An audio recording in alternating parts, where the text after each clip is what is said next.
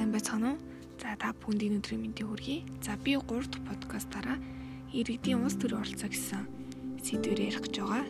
За иргэдийн улс төрийн оролцоо гэж тэгвэл яг юу вэ гэхлээр за орчин үед улс төрийн оролцооны тухай асуудал ардчилсан нийгмийн чухал үнэт зүйлсийн нэг нэг нэг нь болсон бөгөөд за иргэдийн оролцооны хэлбэр нь улам нэмэгдэж агуулга нь илүү гүнзгийрсээр байгаа.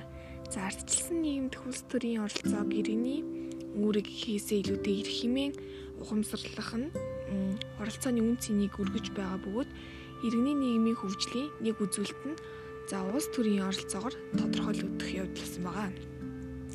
За иргэдийн зүгээс сайн дурын үндсэн дээр за улс төрийн тогтолцоо бүхий төвшөнд шийдвэр гаргах үйл явдал үйл явцад нөлөөлөх зорилгоор явуулж буй бүхэл ажиллагааг улс төрийн оролцоо гэж тодорхойлдог. За нөгөө төгөр нь улс төрийн оролцоо бол иргэдийн улс төрийн оролцоо бол иргэдийн улс төрд нөлөөлж буй үйлдэл иргэн нийгмийн бүлэг байгууллага институтийн за явуулж байгаа үйл ажиллагааг хэлдэг байгаа. За иргэдийн улс төрийн оролцооны за хэлбэрийг нь болохоор янз бүрээр ангилдаг. За тухай тухайлбал завл төрийн оролцоог идэвхийн түвшнөр нь идэвхтэй болон идэвхгүй гэж ангилж болдог.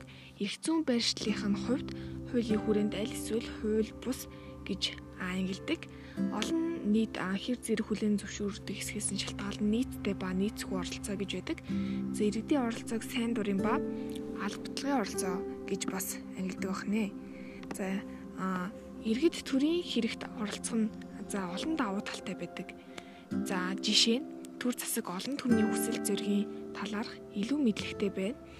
За иргэд оролцсноор төр засаг илүү мэдээлэлтэй байж зөв сайн шийдвэр гаргаж төр засагт итгэх итгэлийг нь за бий болгох за бас төвшүүр болон дайсагналыг за илүү багасгадаг байгаа. За Монгол улсын үндсэн хуульд за их орондоо хүмүүлэг ардчилсан нийгэм цогцлуулаа хөгжүүлэхийн эрхэм зорилго нь Монгол улсын хүүхэд залуучууд за иргэдийн идэх оролцоонд тулгуурлан за хэрэгжих нь илүү ойлгомжтой байдаг. За сонгогдсон удирдагчид эрх мэдлээ хэтрүүлэхгүй байна.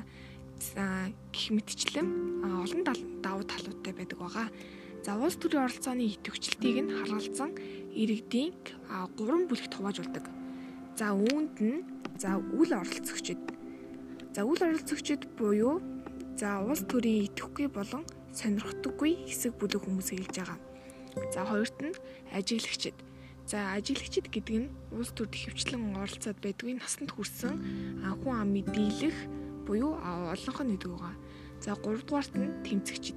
За тэмцэгчид гэдэгт нь болохоор улс төрд идэвхтэй оролцдог насанд хүрсэн хүн амын за багахан хувийг эзэлдэг байгаа.